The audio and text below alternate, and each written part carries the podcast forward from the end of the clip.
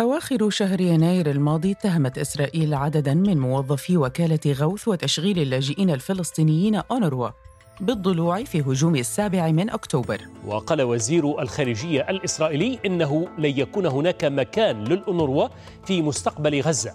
الأمين العام للأمم المتحدة أنطونيو غوتيريش طلب من المفوض العام للأونروا فيليب لازاريني التحقيق بهذه الاتهامات بسرعة. The Secretary General is horrified by this news and asked Mr. Lazzarini to investigate this matter swiftly. ولكن الولايات المتحدة وعددا من الدول الغربية الأخرى قررت تعليق تمويلها للوكالة. قالت اليابان إنها قررت تعليق التمويل الإضافي لوكالة غوث وتشغيل اللاجئين الفلسطينيين التابعة للأمم المتحدة مثلما فعلت دول غربية عدة استجابة لدعوة تل أبيب. فما هي الأونروا ولماذا تريد إسرائيل حلها؟ أنا كنان الشريف وهذا بودكاست زوايا من سوا بودكاست.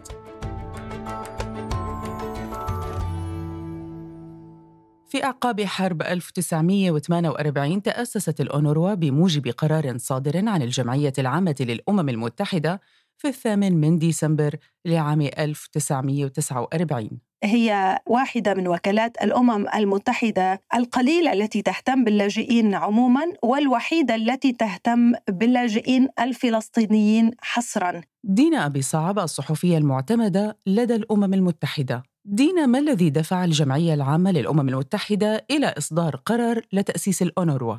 حالة اللجوء الفلسطيني كان يجب أن يخصص لها وضعية خاصة خصوصا أن حالة اللجوء الفلسطيني ارتبطت دائما بحل الدولتين. الأونروا تأسست بالتالي لحماية ورعاية اللاجئين الفلسطينيين بانتظار تأسيس دولة يصبحون مواطنين عاديين غير لاجئين فيها. إذا كان يفترض أن تكون أونروا منظمة مؤقتة لحين إقامة دولة فلسطينية وهو ما لم يتحقق حتى اليوم.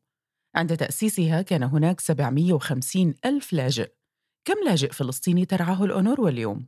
المعلوم أن عدد السكان الكلي لقطاع غزة يقارب مليونين وثلاثمائة ألف مواطن فلسطيني يقال أن 70% منهم تقريبا هم من اللاجئين أما في دول الجوار بين لبنان وسوريا والأردن فيصل عدد اللاجئين الفلسطينيين إلى نحو 6 ملايين شخص يستفيد الجميع من طبعا خدمات الأونروا بشكل مستمر يضاف إليهم أيضا عدد من اللاجئين يقيمون داخل الضفة الغربية بشكل خاص والقدس الشرقية ما هي طبيعة الخدمات التي تقدمها الأونروا للاجئين الفلسطينيين؟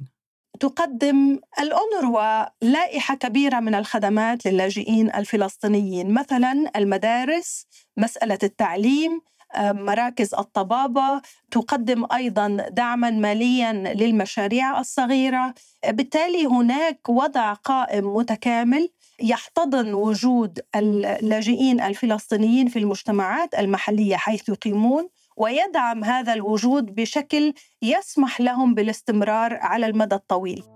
الأونروا وبحسب موقعها الإلكتروني ساهمت في رفاه أربعة أجيال من اللاجئين الفلسطينيين. وفي تحقيق تنميتهم البشرية وعملت تدريجيا على تعديل برامجها لتلبية الاحتياجات المتغيرة للاجئين دينا من أين تحصل الأونروا على التمويل اللازم لتقديم هذه الخدمات؟ عند تأسيس الأونروا آه، انطلاقا من قرار الجمعية العامة للأمم المتحدة تولى المجتمع الدولي عملية التمويل طبعا آه، هذا التمويل ارتبط بالوضع القائم للفلسطينيين كلاجئين آه، داخل فلسطين المحتلة وفي دول الجوار بشكل خاص. طبعا الجهات الممولة للأونروا ليست دولا فقط إنما هي كيانات مثل مثلا الاتحاد الأوروبي وهو أحد أكبر الممولين للأونروا وكذلك الأفراد. طيب ومين هي أكبر الدول المانحة؟ يعني كمختلف المنظمات الأممية الدولية تعتبر الولايات المتحدة الأمريكية أكبر الممولين لمنظمات الأمم المتحدة قاطبة ومن بينها الأونروا. تقريبا ربع التمويل يأتي من الولايات المتحدة الأمريكية. طبعا هناك دول أخرى مثل ألمانيا مثل دول كثيرة في الاتحاد الأوروبي. مثل الاتحاد الأوروبي نفسه الذي أيضا يعتبر ممولا وازنا ويعتمد عليه من قبل الأونروا في عمليات التمويل.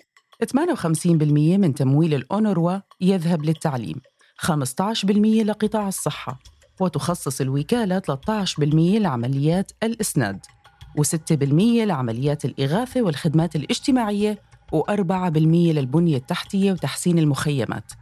هل تتدخل الدول المانحة في كيفية تقسيم التمويل دينا؟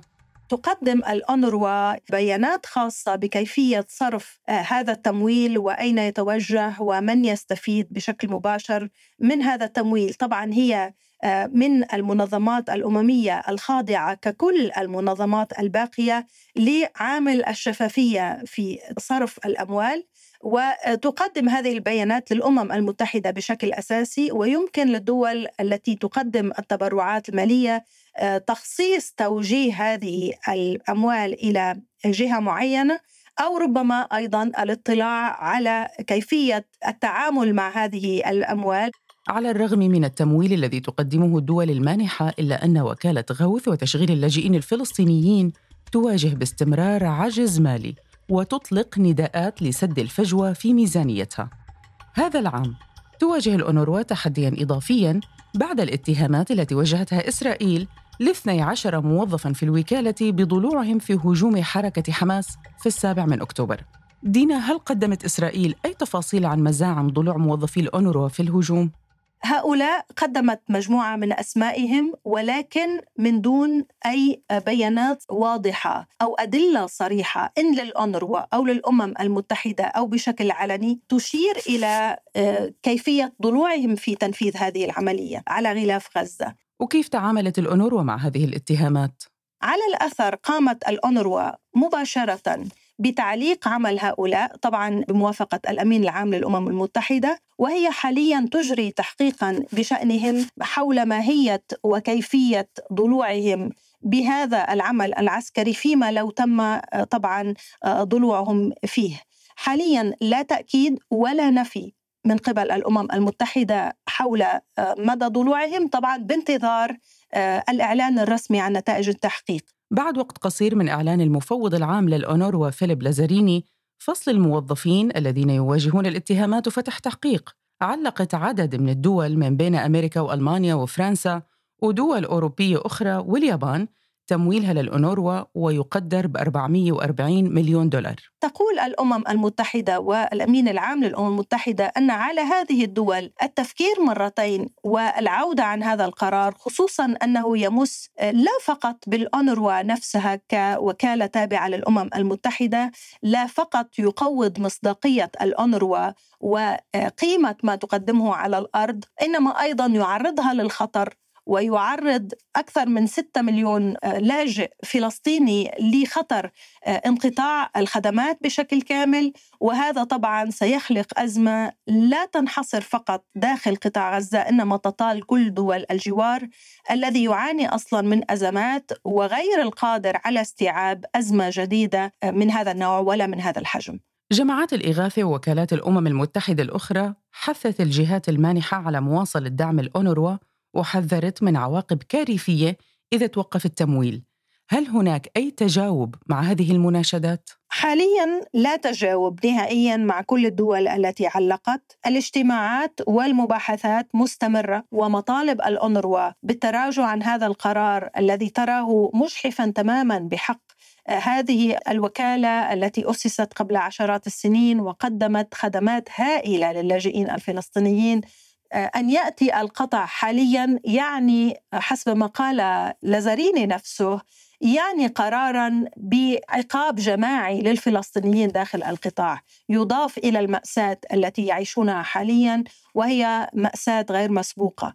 آه، بطبيعة الحال قد نشهد بداياته وبوادره مع نهاية هذا الشهر إذا ما استمر قرار القطع.